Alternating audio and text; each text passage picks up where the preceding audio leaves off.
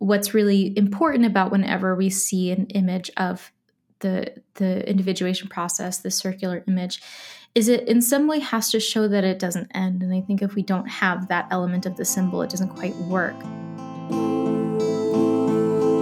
Welcome to Soror Mystica, a podcast exploring life's mysteries and magic through its symbols. I'm Mariana Lewis, an archetypal tarotist. And I'm astrologer Cristina Farella. And just as the Soror Mystica guided the alchemist through his holy work, we hope to be your mystic sisters in these conversations, guiding you deeper into the symbolic life.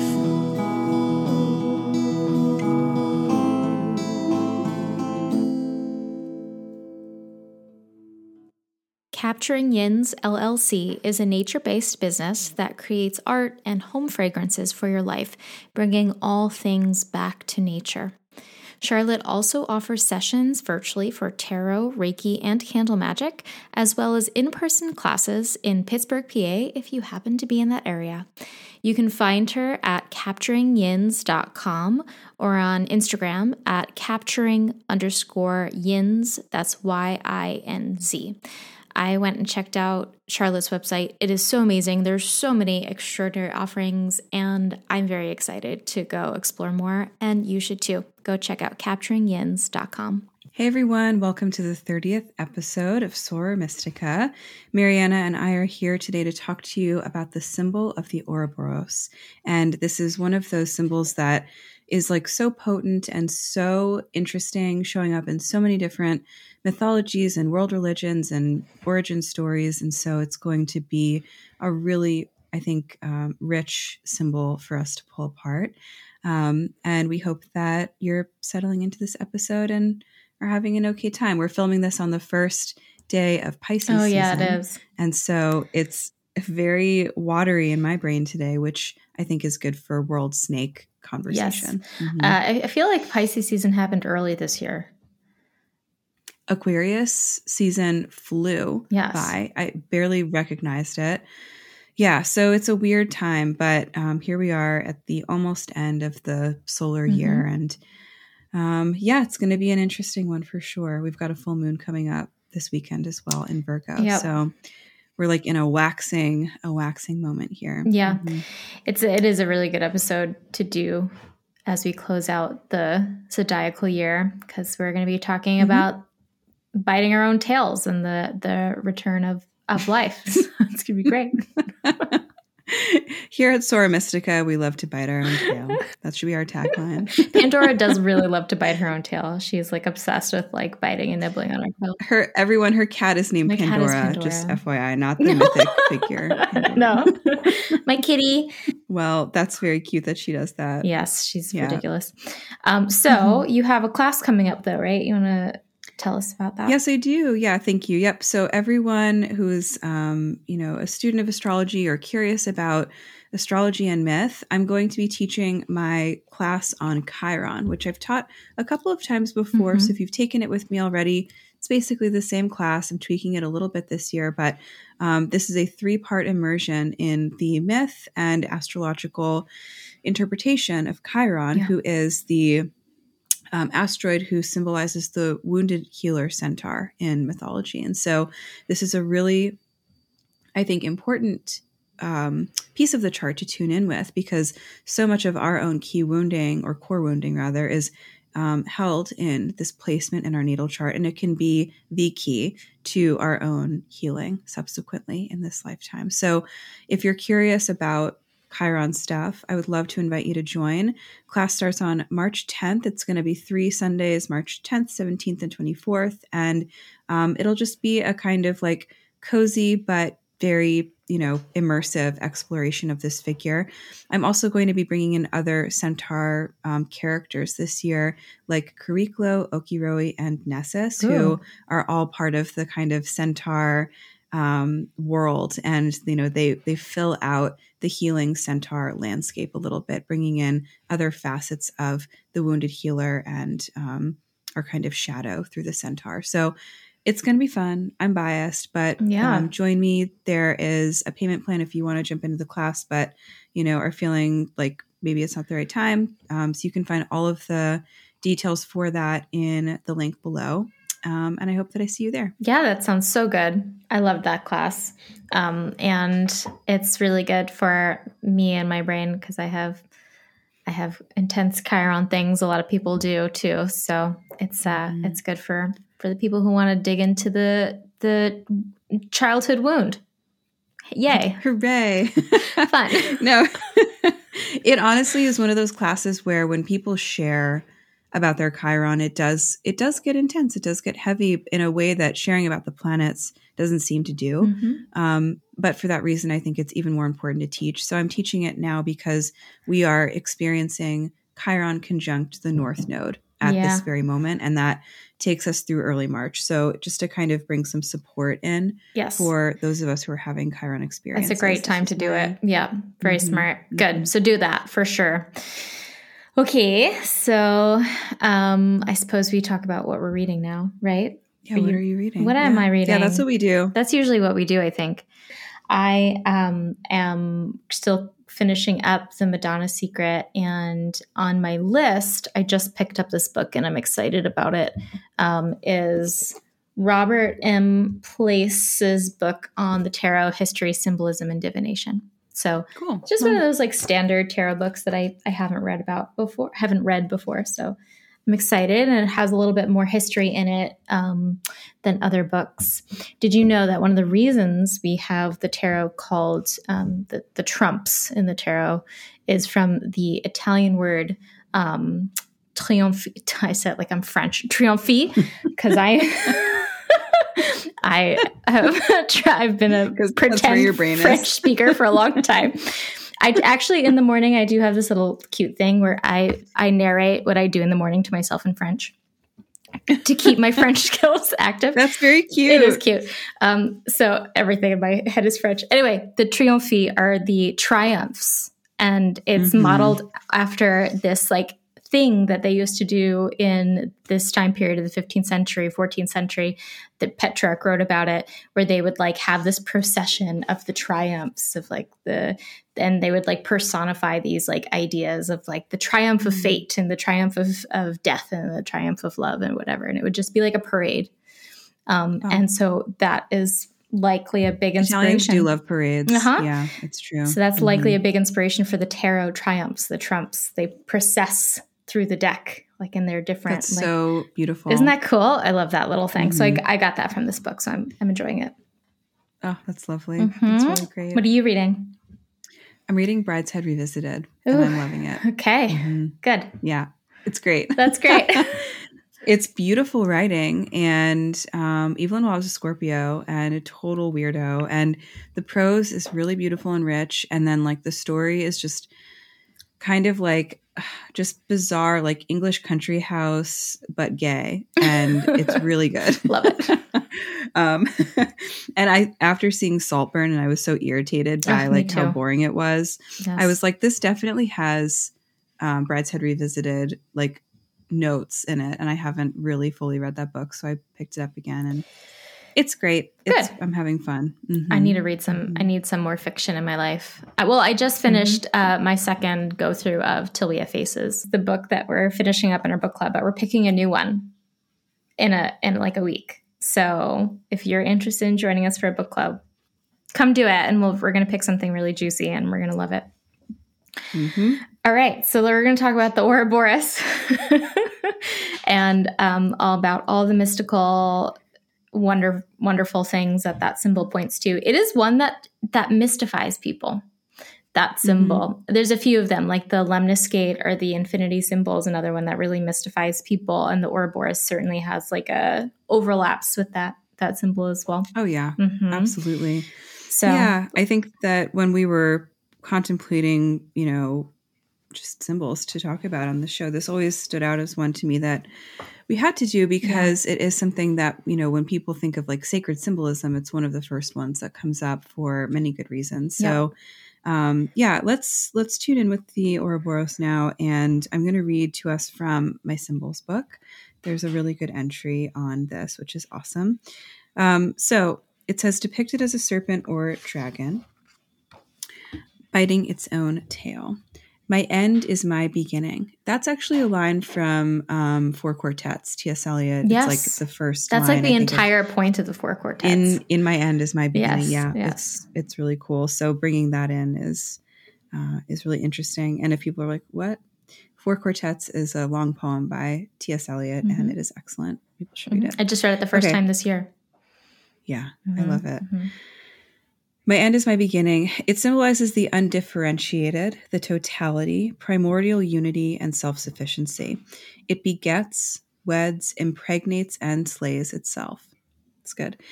It is the cycle of disintegration and reintegration, power that eternally consumes and renews itself, the eternal cycle, cyclic time, infinity, truth and cognition in one, the united primordial parents, the androgyne, the prim- primeval waters, darkness before creation, the restriction of the universe in the chaos of the waters before the coming of the light. In funerary art, Ouroboros represents immortality, eternity, and wisdom. In many myths, it encircles the whole world and is the circular course of the waters surrounding the earth. It can support and maintain the world and injects death into life and life into death. Apparently immobile, it is yet perpetual motion, forever recoiling upon itself. In Orphic cosmology, it encircles the cosmic egg. It is also called Heracles, which identifies it with solar passage. Macrobius associates it with the movement of the sun. Mm. In alchemy, it is the unredeemed power of nature, latent power, the unformed materia, and opus circulare of chemical substances in the hermetic vessel. So, this really powerful, rich thing is here. And um, I think that it's so exciting to even pick one angle to start with uh, is, is difficult. So, Yeah. I think that, yeah, what stands out to you just at your first shot at this symbol, Mariana? Well, I think that the the first thing that we can say about it is that it's a very ancient symbol that is cross cultural. So it is- Mhm. it's not something that we can say, oh, this is a symbol that we can draw strictly from alchemy or whatever. It is Mhm. something that one of its earliest origins comes from uh, ancient Egypt. We see it, and there's a very famous um, wall or something that has that that Ouroboros symbol on it. It's also we also have it in in ancient China. Like it it really is just something that appears everywhere, which is the the idea behind how a symbol like that can have this omnipresence in the world is through the idea of the collective unconscious. So I think that in and of itself is a great place to start whenever we're talking about a symbol like this. It's it's different than something like the heart or the pearl or whatever that are real things in the world that everybody's going to interact with because they're real. This is a symbol that comes from the imagination. Um, and it is something that even for these cultures that had no interaction appeared organically. And so the idea of the collective unconscious is that there is this unconscious experience, knowledge that's uh, existent in every single person, the spiritual heritage of mankind, as Jung calls it, um, that we all draw from. And so having this symbol kind of just um, pop up everywhere means that it, it has some really, really, really enormous meaning that is important universally for everybody. Mhm. So I like to start there with with this this uh, symbol whenever people ask me about it because it's it's one that comes up a lot of places and it comes up in the tarot too. So um, I think that's that's a thing to note. Yes. So I think that the idea that we can maybe, or the the image that we can pull out here is the kind of, um, as you were saying, like the infinity loop of the snake, right? So the Ouroboros is the snake that eats its own tail. The snake is, you know, the mouth is consuming, the tail is supposed to be the ending of something. And so there is no terminus point, just Yeah. like the sun in its cycle around, you know, the natal chart, there is this eternal flow of the cycle of life and death and rebirth. Yeah. And so, you know, thinking about the Ouroboros in that way, we can also associate this symbol as our own experiences of just like, you know, constant engagement of the soul, of the journey of life, of our solar experience. It's interesting that the sun comes up here for, I think Macrobius had said in that Mhm. little intro, um, because to me, snakes are so chthonic and they're so Yeah. lunar. oriented. And so having the snake be oriented with the sun um, feels like an interesting nod to like a solar god like Apollo. And that's like a whole other tangent. But there's um, something about the kind of intermingling of like solunar yeah. consciousness in the Ouroboros that I think is really interesting. Yeah, I think it kind of mimics the way the sun rises above and then sinks below and then rises above and sinks mm-hmm. below. It's a little bit different than the pattern of the moon, which is much more changing. Um, mm-hmm. So I think that yeah, that I like that that kind of layer to it because it, the the serpent we definitely associate with that kind of darker lunar energy. Um, I think too, you know, we can kind of look at like the etymology of Ouroboros means snake eating its tail, and I think, or just eating of its tail, it seems. So I, I really think that the idea of self devouring is kind of important when we're thinking about the Ouroboros. And what what I think happens a lot when people think about this symbol, they know it means something really big and mystical, um, and they kind of get you know stuck on the like the the side of generation which it is about but there the more important part of it i think is the is the fact of self-devouring because what the symbol mm-hmm. looks like in, in pretty much all of its iterations is a snake that is curled around itself eating itself. This happens in in nature actually. Have you ever seen pictures of it? It's absolutely horrifying. Yeah. um, mm-hmm. it's not a common thing but it does happen in nature so it is probably in some part inspired by that.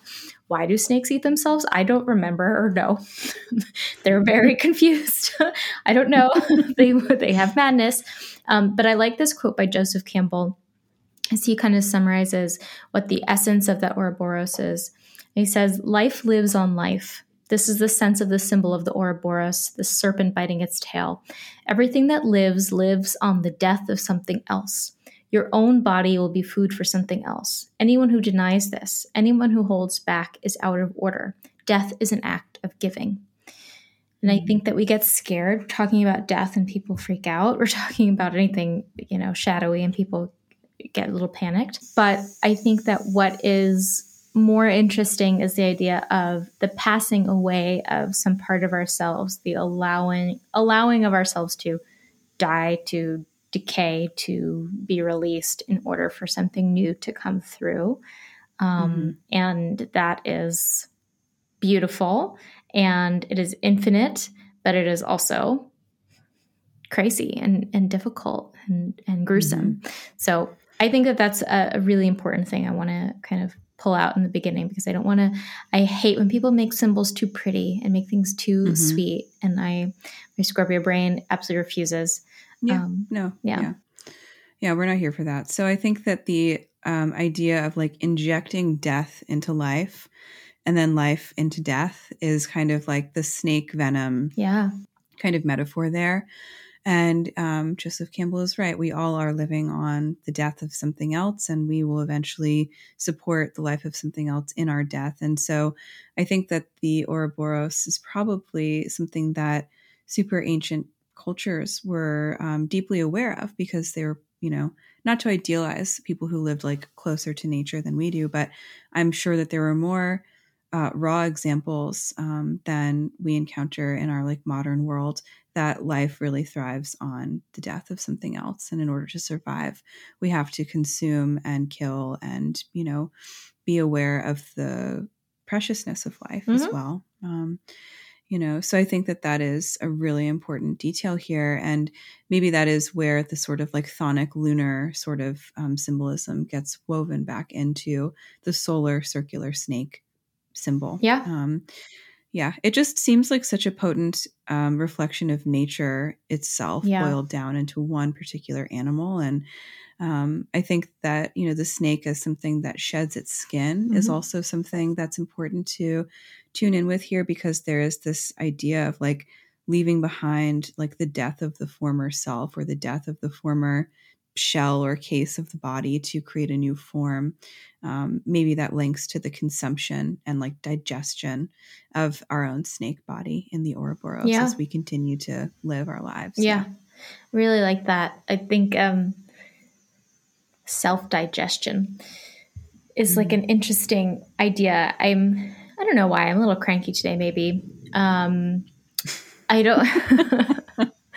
I I'm thinking of um, you know I, I feel like so often so much of our lives are spent on social media you and I because we you know yeah. connect with our audiences there and, and our people um, but I, I see so much of this kind of idea of you know, we have to shed the old self to let the new self mm. in. And, and this gets somehow interpreted into like, I need to buy like a new wardrobe and I need mm-hmm. to, I need to like, you know, change out my phone case and and like block that one guy. And then and then I'm new. I'm fresh. I'm I'm reborn. And it's like it's very silly obviously but it's also quite sad.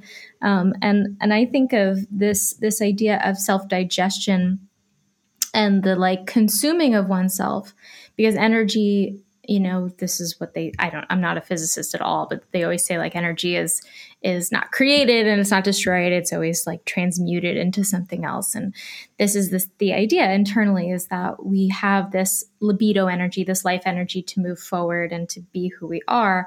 And we don't gain new energy we just you know redistribute it. We just channel it into new things. And i think about this idea i get a little bit mad and and and uh, cranky, I guess, because I had a, when I was 26 or so, I gave up on one of the biggest dreams I'd ever had in my life. And it was a death, like absolutely. And I grieve, I'm still grieving it. I still have moments where I just am like, how in the world did I do that?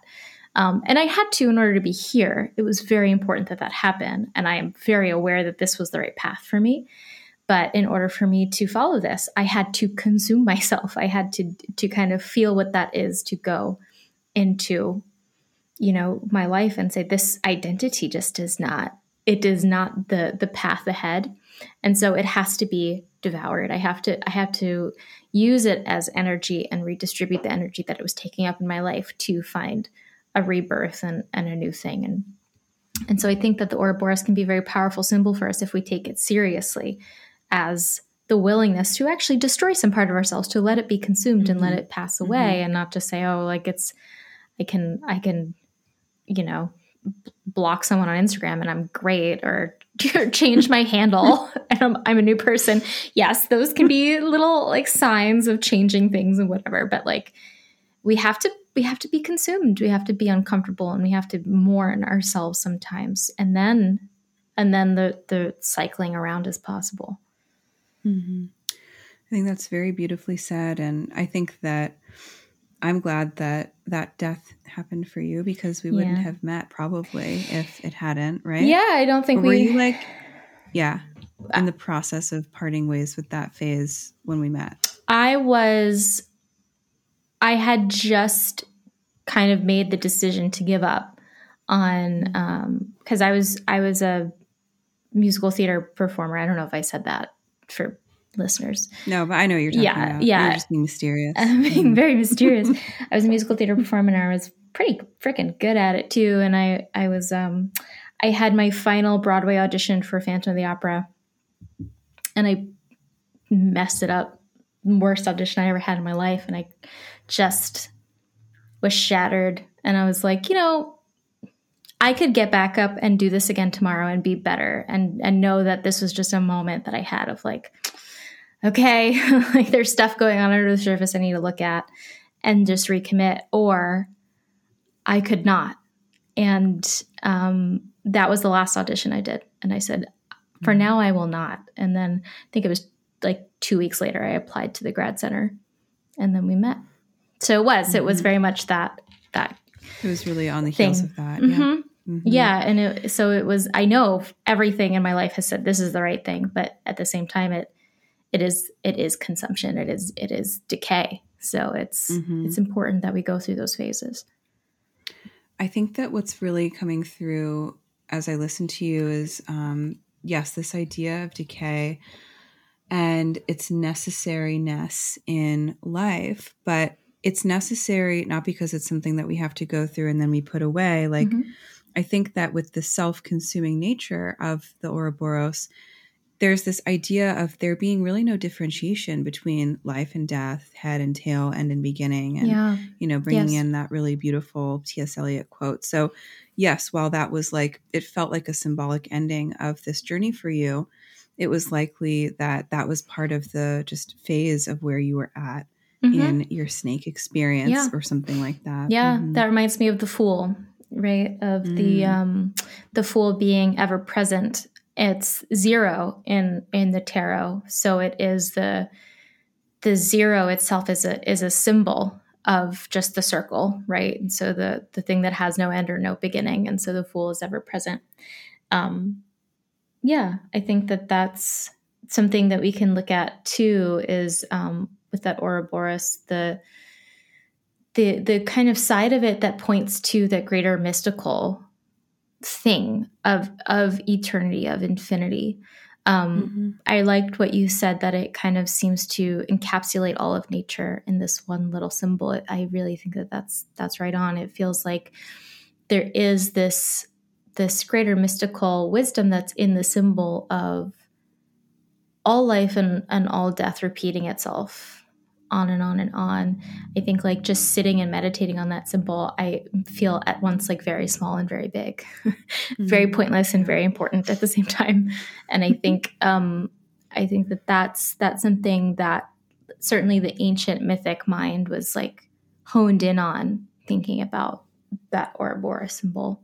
hmm Yeah, I love that idea. And there's something about, um, I think, you know, like the, they say about this snake, like the mouth is like a womb or like a yoni. Mhm. And then the tail is this like phallic part that it's a self impregnating and self slaying simultaneously Yeah.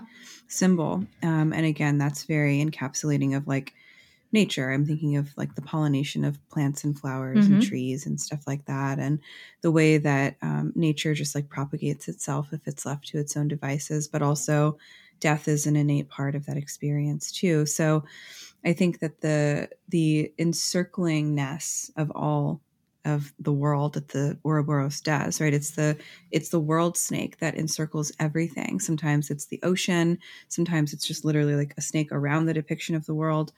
Um, and that is important too. So again, we have all of like undifferentiated nature and experience and life and death boiled down to this really simple creature. It doesn't even have arms or legs. Mhm. It's just Yeah. like a tube Yeah. with scales hmm and fangs. Um, so the serpent is definitely um, something that is like self propagating. And I think that one of the images that came up as I was reading from the symbols book was the Orphic egg. Mm, And yeah. I can talk about that a little tiny bit. Yeah. Um, so in Orphic religion, which is a religion that's um, based on Orpheus, Dionysus, and Persephone, um, they they have their own. It's it's it came up in ancient Greece, but they have their own um, take on the birth of the world, and it was something like the world was created in the Orphic egg, around which a snake named Ananke was wrapped, and then the egg cracked open, and the god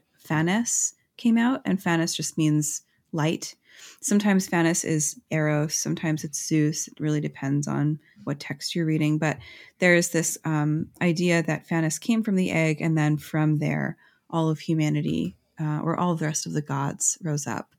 Um, and so that is a really curious idea of like, you know, the egg, which to me is a very sort of um, feminine and like Dionysian sort of symbol. Yeah. It's like, you know, full of potential. And Dionysus was like the god of like sap and fertility and, you know, like generation of life. Um, I feel like that's an egg symbol. And then the snake is again kind of like almost semi phallic, semi Apollonian, you Mhm. know, connected with that god. So there's this blending too of the sensuous and the rational, of the sort of um, intended beginning and then the chaos of an ending all wrapped up together in that sort of Yeah. Orphic snake egg image. I Yeah. like that. It's you're making me think of um, that myth. It's making me think of um, the the Norse myth of uh, I'm always say this wrong. I've tried it right before we were jumped on. We were talking about this myth, and I it. tried it like eight times. you. Your Jormungandr. Jormungandr. Jormungandr. Jormungandr. now say it with a Norse accent. Jormungandr. um, so the, this story is basically the Jormungandr is the is the child of Loki, who's the trickster god. Um, so definitely a god of chaos, and then also a uh, giantess. Um, and so they have this this child, and and it's Odin, who is the god of wisdom, who kind of prophesies that this. I think they have two children. I think they have also Fenrir, which is the the giant wolf, Mhm. um, and they, he prophesies that that they're going to be the end of the world. So he casts the your Jormungandr, who is a snake, into the sea, and so this this snake is um, his entire life is just encircling the sea, um, biting his own tail. And the reason that he he bites his own tail is because he's too large um, to to kind of fit. So he has to kind of uh, be engorge himself on his own tail in order to to wrap fully around around the earth. And the idea, the the story says that when he releases his tail, when the tail finally kind of is able to to break free from from his grasp, then it will be the end of the world. And I I think that that's it reminds me of what you were saying about this kind of this end of chaos um, because that is very much what the what the myth is pointing to is that if if this creature continues as it is in this perfect symbiosis of of life in its death and its beginning its its revolution around the earth ever unchanging if it suddenly does change if the if the pattern is suddenly broken that is the destruction of all that is pure chaos. Um, and i think that that i mean it's an impossibility. Well at the rate we're going maybe not. Who knows?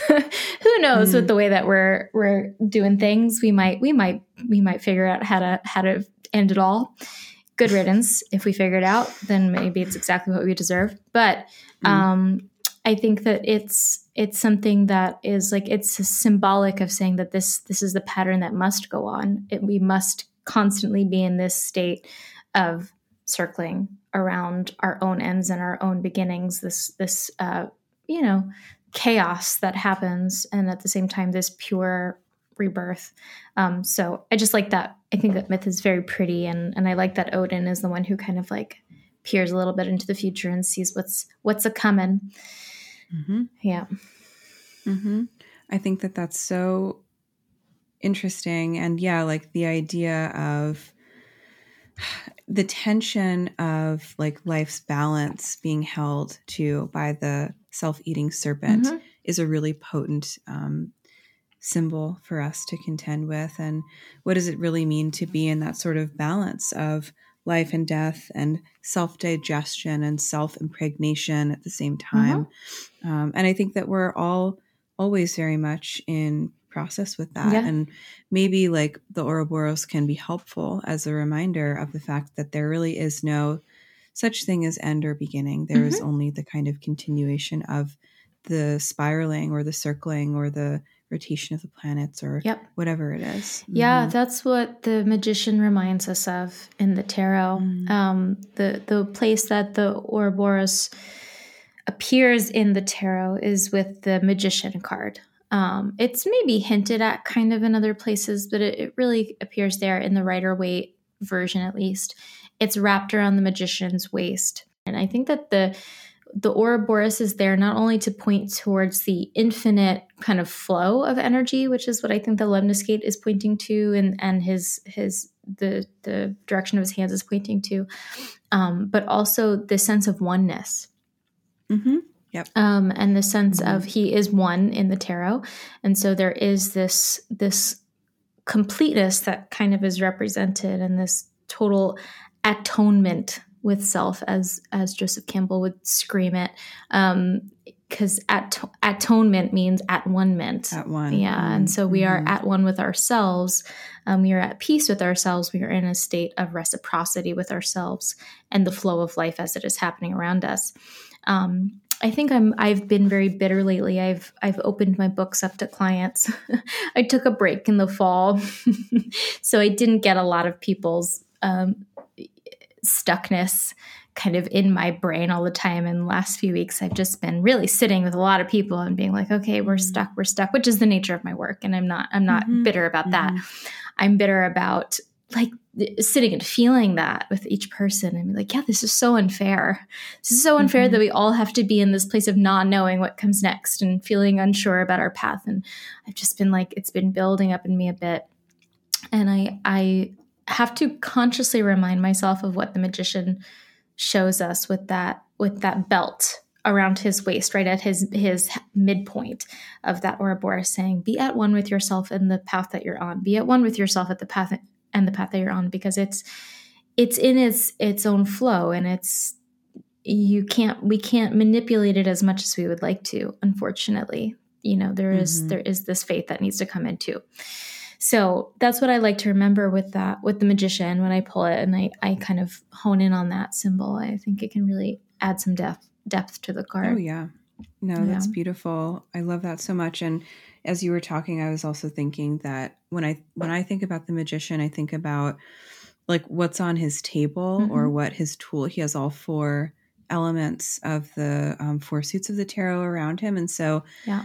To me, the magician has always been about like the potentiating factor, or even to kind of bring it back to the words used about the Ouroboros earlier on, like the the kind of fertility or the self impregnating mm-hmm. factor of our lives. Mm-hmm. And so being aware of the presence of all of the um, resources that we have at our disposal will help us kind of again be in that at oneness mm-hmm. um, with self idea and i love the connection that the magician is the number one so mm-hmm. from the fool to the magician too yeah. that's an interesting sort of um, carrying through of the ouroboros or the kind of zero or the circle mm-hmm. um, in the tarot. Yeah, really cool. yeah, absolutely. Mm-hmm. I think too something you know thinking about the the magician as the alchemist of the tarot, which he really kind of is. Um, alchemy is one of those those places where the Ouroboros really figured prominently. It was really mm-hmm. an important symbol for them. Um, more so medieval alchemy, but that's not to say it wasn't also in, in more ancient alchemy.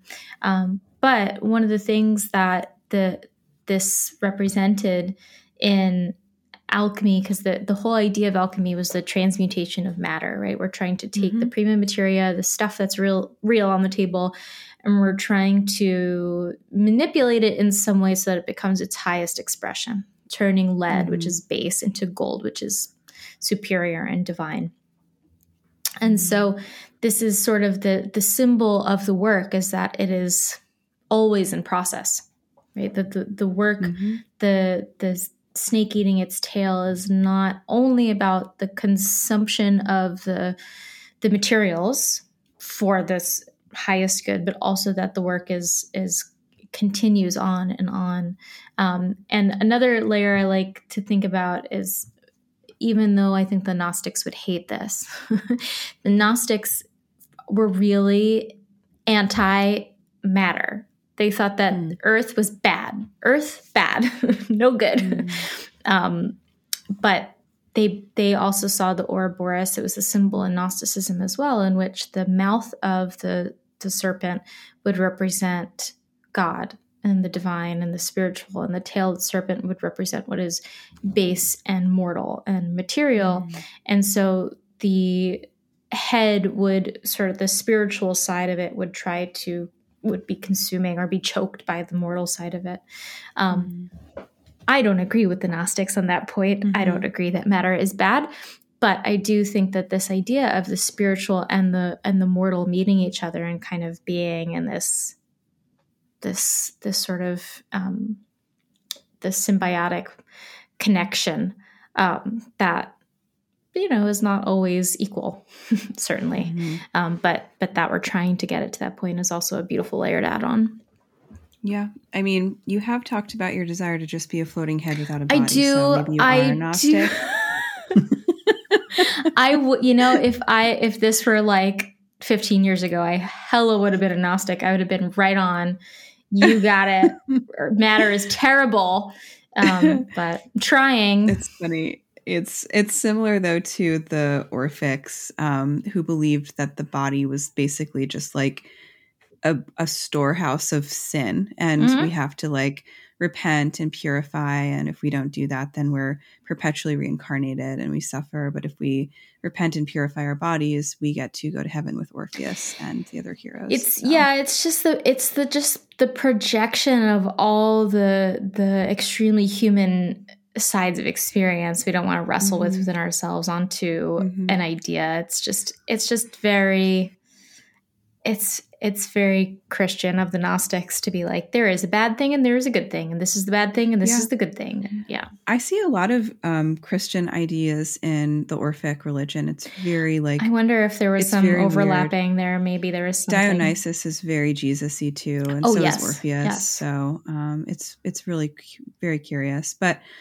um, I want to kind of bring one more detail in that I think is kind of what um, you know maybe grounds this a little bit mm-hmm. and that's something um, from jung yeah. that i found on the ouroboros so basically um, i'm going to read to us this is just from the collective collected works um, so regarding the ouroboros and alchemy and individuation he says this the alchemists who were in their own way oh sorry, who in their own way knew more about the nature of individuation than we moderns do, expressed the paradox with the symbol of the Ouroboros, the snake that eats its own tail. Um, in the age old image of the Ouroboros lies the thought of devouring oneself and turning oneself into a circulatory process. Mm. For it was clear to the more astute alchemists that the prima materia of the art was man himself. The Ouroboros is a dramatic symbol for the integration and assimilation of the opposite, i.e., the shadow. This feedback process is at the same time a symbol of immortality, since it is said of the Ouroboros that he slays himself and brings himself to life. He symbolizes the One, as you mentioned, Mariana, um, capital O N E, who proceeds from the clash of opposites, and therefore he constitutes the secret of the prima materia, which unquestionably stems from man's unconscious. So, no surprise there that he thinks that this comes from the unconscious. Mm-hmm. But I love the idea of the um, the prima materia as a kind of you know guiding element yeah. of the Ouroboros mm-hmm. and the individuation process too. Yeah, here, and I think that we've kind of like touched on that a little bit, but we didn't say it explicitly mm-hmm. that this can be a symbol. We've talked about, you know, being at one with the cycle of our experiences and accepting, you know, life's deaths and rebirths and reimaginings and self fertilizing moments. Mm-hmm. But it really, to me, can be this, um, you know, not just a symbol of nature and all its complexity, but the complexity of our own more modern path to individuation, yeah. i.e., like integration of the shadow. Mm-hmm. So, mm-hmm. can I just say that for the first time ever, it's been Cristina bringing up a Jung quote and not me, and I'm I'm extremely happy. I have I have a convert. No, I. You're welcome. Yeah. I now just you just now you got to talk to my husband and get him to give me a quote one day, and my life will be complete. Okay, good. Um, it's my project. It's your project. Yeah, no, that's a great. It's a great quote, and I I think that that's the individuation process is the whole point. And I think honestly, whenever we see any circular symbol, this is what we're talking about. We're talking about the individuation process. And for those people who you've definitely heard us say it before, you've encountered it, individuation, I think, is un- misunderstood a lot for being the work of self bettering. And it's not about self bettering. That might be a byproduct of the work. It is about self becoming, self fulfilling. Um, and so it is a work that can never end um, because we are always in the process of becoming closer to what we really are and divesting ourselves of societal expectations and false beliefs and ancient wounds and all these things in order to get closer to the truth of who we are that primordial truth that prima materia right that those essences of of selfhood. Um, and I think that the what's really important about whenever we see an image of the the individuation process, the circular image, is it in some way has to show that it doesn't end. And I think if we don't have that element of the symbol, it doesn't quite work. So mm-hmm. another really great uh, version of that symbol is the spiral because it also never ends. It has yeah. different vantage points, but it is always moving around the same basic like longitude, mm-hmm. right? Yeah. yeah. So mm-hmm. the the Ouroboros has that similar thing of saying it can't end because the we devour the tail and then but the tail is the head and the head is the tail and it just circles around itself and we're always we can even see it in some way. I like that kind of Jung always likes to bring in the shadow into everything.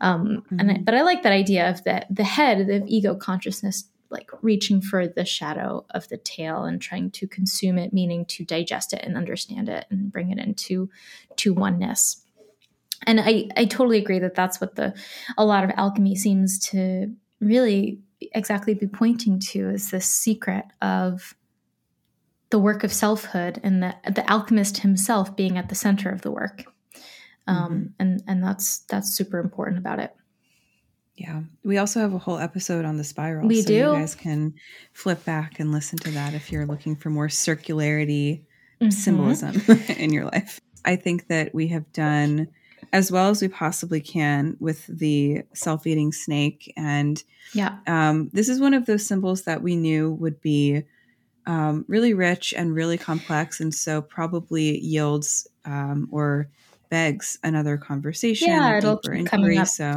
we hope that we've given you some stuff to think about with the Ouroboros and and to trust that as much as things will decay and fall away, just as much will be reborn and come to life and be fertilized. So mm-hmm. I think that's the yeah. point. The best food for thought is your own tail. The end. All right. So how about thinking about a dream? Let's do it. If you're enjoying this podcast, we encourage you to leave a review or learn more about how you can support us on Mighty Networks, where you can get access to some exciting exclusive offerings. Or you can connect with us by sharing a symbolic experience, whether from a dream or synchronicity, for us to explore on the show. Thank you to today's sharer, and please tell us your symbolic experience or connect with us on our website, sorormysticapodcast.com. Are you a small business looking to reach a targeted audience of people interested in all things esoteric? If this sounds like you, Soror Mystica would love to invite you to become an ad partner. We offer a highly tailored audience of mindful, curious, depth seeking listeners, and we would be delighted to showcase your business and offerings to new hearts and new minds. Simply fill out an advertiser application form at our website, linked in the show notes below, or navigate to sorormysticapodcast.com forward slash advertise with us. Hello, my lovers of tarot, astrology, and the symbolic. Would you like to go on even deeper dives into topics that are even more niche and specialized and fascinating? Perhaps you'd like to explore angels in the tarot, or beasts in your dreams, or the thresholds of astrology. This is just a sampling of the bonus episodes we have over at our cloister. So go in the show notes and click the link and join us in even deeper conversations. We really hope to see you there. This dream comes from somebody who uh, says that they were dreaming about an animus figure in an empty house. A man I've been deeply attracted to in real life drives me in a black sedan a few hours outside of New York City, where we both live, to a big house. On the way there, I tell myself to take in as much as I can and enjoy it because I don't know when we'll have the chance again. He leaves me at the house and says he'll be back. The house is empty. There is an open floor plan for the kitchen, dining, and living room, and it looks like it needs renovation. I walk into a bedroom that looks more updated, um, and I begin to feel uncomfortable and panic that he won't return. I decide that it's better for me to leave than wait for him indefinitely. I try to book an Uber, but instead a yellow cab comes to pick me up, and there are several women in the car. The women are friendly, and we drive back home together. I had this dream months ago and recently dreamed about the house again. This time, the kitchen, dining, and living room were furnished with cozy decor, decor and a fireplace. And for context, when I had the dream, I was going through several major changes in my life, and now I'm starting to feel more grounded. Mm. Okay, so we have a house dream. Mm-hmm. Um, and the first thing I always say about house dreams is that the house is representative of the psyche. Um, it's representative of not just, I mean, everything is psyche when we're talking about a dream, but it's sort of like the structure of the psyche. How is the condition of the psyche? The different rooms or the different kind of compartments and areas within our psychic, inner psychic life, meaning psychological life. Um, so that's always where I start thinking about any dreams about houses. But I want to see anything come up for you, anything kind of spark you initially? yeah, I think that um, I, I I learned that houses and dreams can be um, of the psyche mm-hmm. from you. So I love that idea coming up right away. Uh, and so we have this idea of like the uncultivated inner space mm-hmm. of the psyche versus the later more updated or populated yep. um, space of the psyche. So those are the first details that jumped out to me. I think the car with the women is interesting, yeah. but there's a lot of like like kind of um, finicky like substitution energy. Like I yes. called an Uber, I got a taxi, I walked into a house, it was empty. You know, mm-hmm. all of these things, um, and so I think that there's this feeling of things not quite lining up, things not quite being correct, yeah. and being aware of what's missing. Um, and so I think that this is one of those ways in which our subconscious can like tune us into what um, um, what the message is. It's you know if in our waking life we're having an issue with like a, a sense of not being grounded and then you have a dream about an unfurnished house. Mm-hmm. It's like, mm-hmm. okay, there's a lack of comfort here. There's a lack of utility. There's a lack of ability to feel like you're in your place. Mm-hmm. And so we should take that seriously. We should figure out what that means for ourselves and how in our waking life to kind of remedy that. So, um, yeah, that's just first, first swing at this. Yeah. what comes up for me. Yeah. I, I think that makes a lot of sense, especially the idea of not feeling grounded in particular. That word makes me feel like, not feeling at home, right? Like not mm-hmm. feeling stable or sturdy. And that that definitely I feel like that's exactly what the dream is showing you in the house being unfurnished. Like you're not you're not grounded. You're not really at home. Now that you've returned to the house again later, like in a few months later, you see that now it's furnished. So now there you're starting to fill in the gaps and starting to really feel that that homier experience. Um, I want to bring in um, or just like reference the Artemisian Substack, which is created by our friend Alyssa Polizzi. Mm-hmm. Um, she is, if you don't know Alyssa, go follow her. She's so cool. She's on Instagram as I think just at Alyssa Polizzi, right? Mm-hmm. Um, mm-hmm. And she, her Artemisian Substack is so so so cool. Also, Cristina's Substack. If you're going to go subscribe to a Substack, do both. Um, but the Artemisian is like it is a, a deep dive into myth and Jung and dreams and symbols, and just she is it's super special. It's so There's good. not another one that is like it. It's so intelligent and she offers so many amazing like entry points into yeah. Jung's writings yeah. and then also just like our own sort of like mythic alchemical and tarot exploration. Mm-hmm. So yeah, she's, she's, wonderful. Just really great. She mm-hmm. she's like one of the few people. She is a, a self-taught Jungian like I am, and mm-hmm. um, I, she's always astounding me with her Jungian knowledge. Like she knows more than me by far. Um, and she uh, is one of the few people where whenever she says something, there's not a little part of my brain going like, um, well, actually. oh my God. You are so funny. I do that all the time in my head. I'm like, well, actually, but no, never with her. I'm like, yes, exactly. Um, so mm-hmm. she has this little post she did recently about dreams of houses. It's very short, but one of the things that she mentions um, is that discovering a new room may indicate a new psychic territory. Um, so, cooking in the kitchen carries themes of alchemical transformation brewing within. Bathrooms um, urge us to expel and release shadow material. So, we can kind of think of it in this sort of literal way. So, um, in this particular dream, she does have the kitchen becomes renovated, right? So, that's the place of, I like um, Alyssa's way of thinking about it, this sort mm-hmm. of space of alchemical transformation. Mm-hmm. And then mm-hmm. what were the other places? Also, there was the living room, right? That is now yes. furnished. And the bedroom. the like dining room. Yeah. Well, the bedroom was the only one that was furnished, I think, in the first one. Yes. Yes. So it was just like the the place of sleeping or the place of of kind of going into unconsciousness was the only place that was furnished in the first one. Um, and in the in the second dream, then we also have the dining and the living room. So we have the living room, like the place of comfort and like the sort of open space and then the dining room being sort of like where we can i don't know be with with ourselves be with people come in community maybe even like digest things about mm-hmm. ourselves mm-hmm. and digest mm-hmm. new information So I think that that's an interesting way of looking at it, kind of looking at the rooms and the houses in this this semi literal way, as the Jungians love to do. Um, mm-hmm. And I also think that that is a, an important thing that you were brought to the house and then left there right. right. so that's sad and it's uncomfortable but at the same time this this house feels like it's about you and it's your house in some way right so it, you were brought here by someone else but now it's kind of your space you found yourself there a couple times so the dream's not really about this man who brings you there there's mm. it's about it a little bit but really it's about you finding the comfort and developing that inner yeah. psychic space I think that's so tr- like that's so right on. It's funny because this dream is presented as like about an animus figure, mm-hmm. but really what I'm hearing is so much about like the house, and mm-hmm. I think that that redirects our focus as the dream interpreter or seer or the dreamer to the self. Yeah, um, which is cool. It's like a little reclamation of like that psychic mm-hmm. focus. Mm-hmm. Um, I think that's important here. Mm-hmm. Um, taking a moment to like talk about that animus figure. This person identifies it as an animus. If you don't know what the term animus means, it means.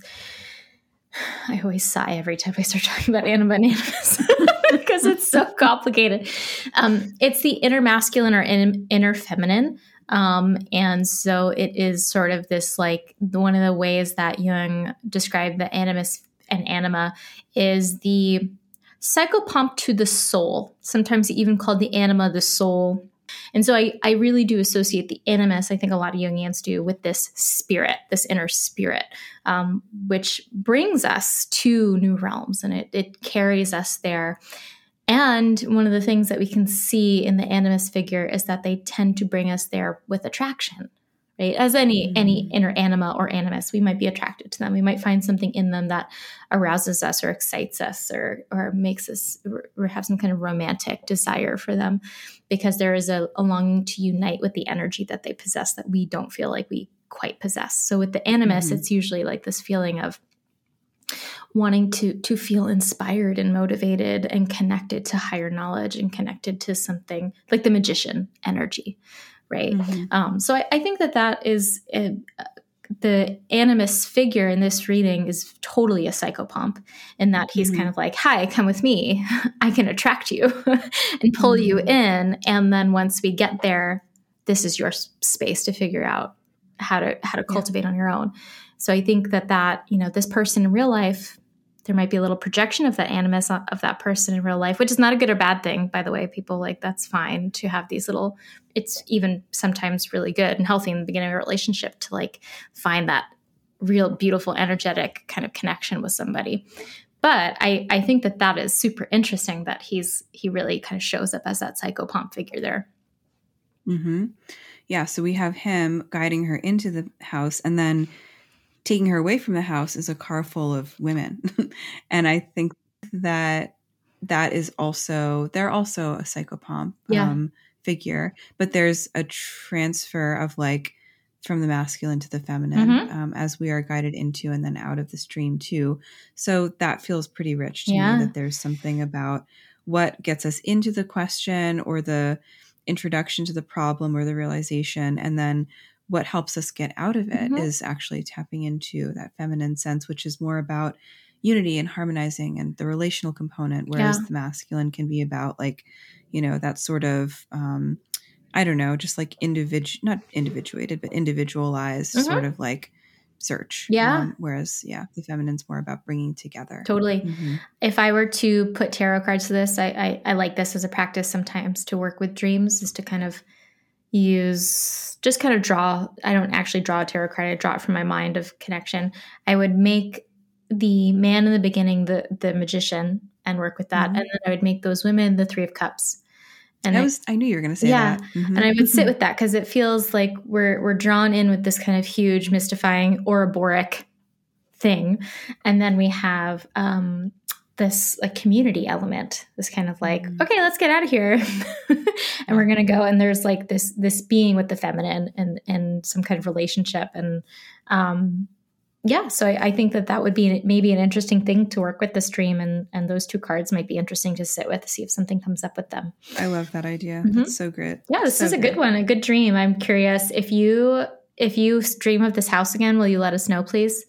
Um, mm-hmm. because i like to i like to keep an eye out. But cool. Well, this was a fun episode. Mhm. Um, and go do Cristina's class on Chiron. Go check that out. Go check out Alyssa Polizzi's Substack um, and Cristina's Substack, of course, too. While you're on Substack, just do all of it. That's what I did when I finally signed up for Substack. I signed up for every single person's Substack that I've been thinking about signing up at once. I was like, yep, them, them, them, them. Um, That's cool. Then you have a whole feed, I d- and now I we're just did. waiting for yours. I know, God. Add one more thing to my list. I think I'll I'll sink like the Titanic. Um, so yes, this is we're gonna do all the things, and we had such a good time chatting with you, and we'll see you next time. Thank you for joining us in our conversation today. Please consider supporting the podcast by leaving a review and following Soror Mystica wherever you listen. You can also become a more active supporter and a member of the Soror Mystica community by joining us on our Mighty Networks platform. If you have a symbolic experience that you'd like to share with us for the podcast, you can tell us all about it at sorormysticapodcast.com. The music for this podcast is written and performed by me, Mariana Lewis, with special thanks to Stefan Lewis. You can connect with both Cristina and myself on Instagram and get to know our work by clicking on the links in the show notes. As the alchemical motto goes, as above, so below, as within, so without. May this ancient wisdom continue to guide you deeper. Until next time, take good care.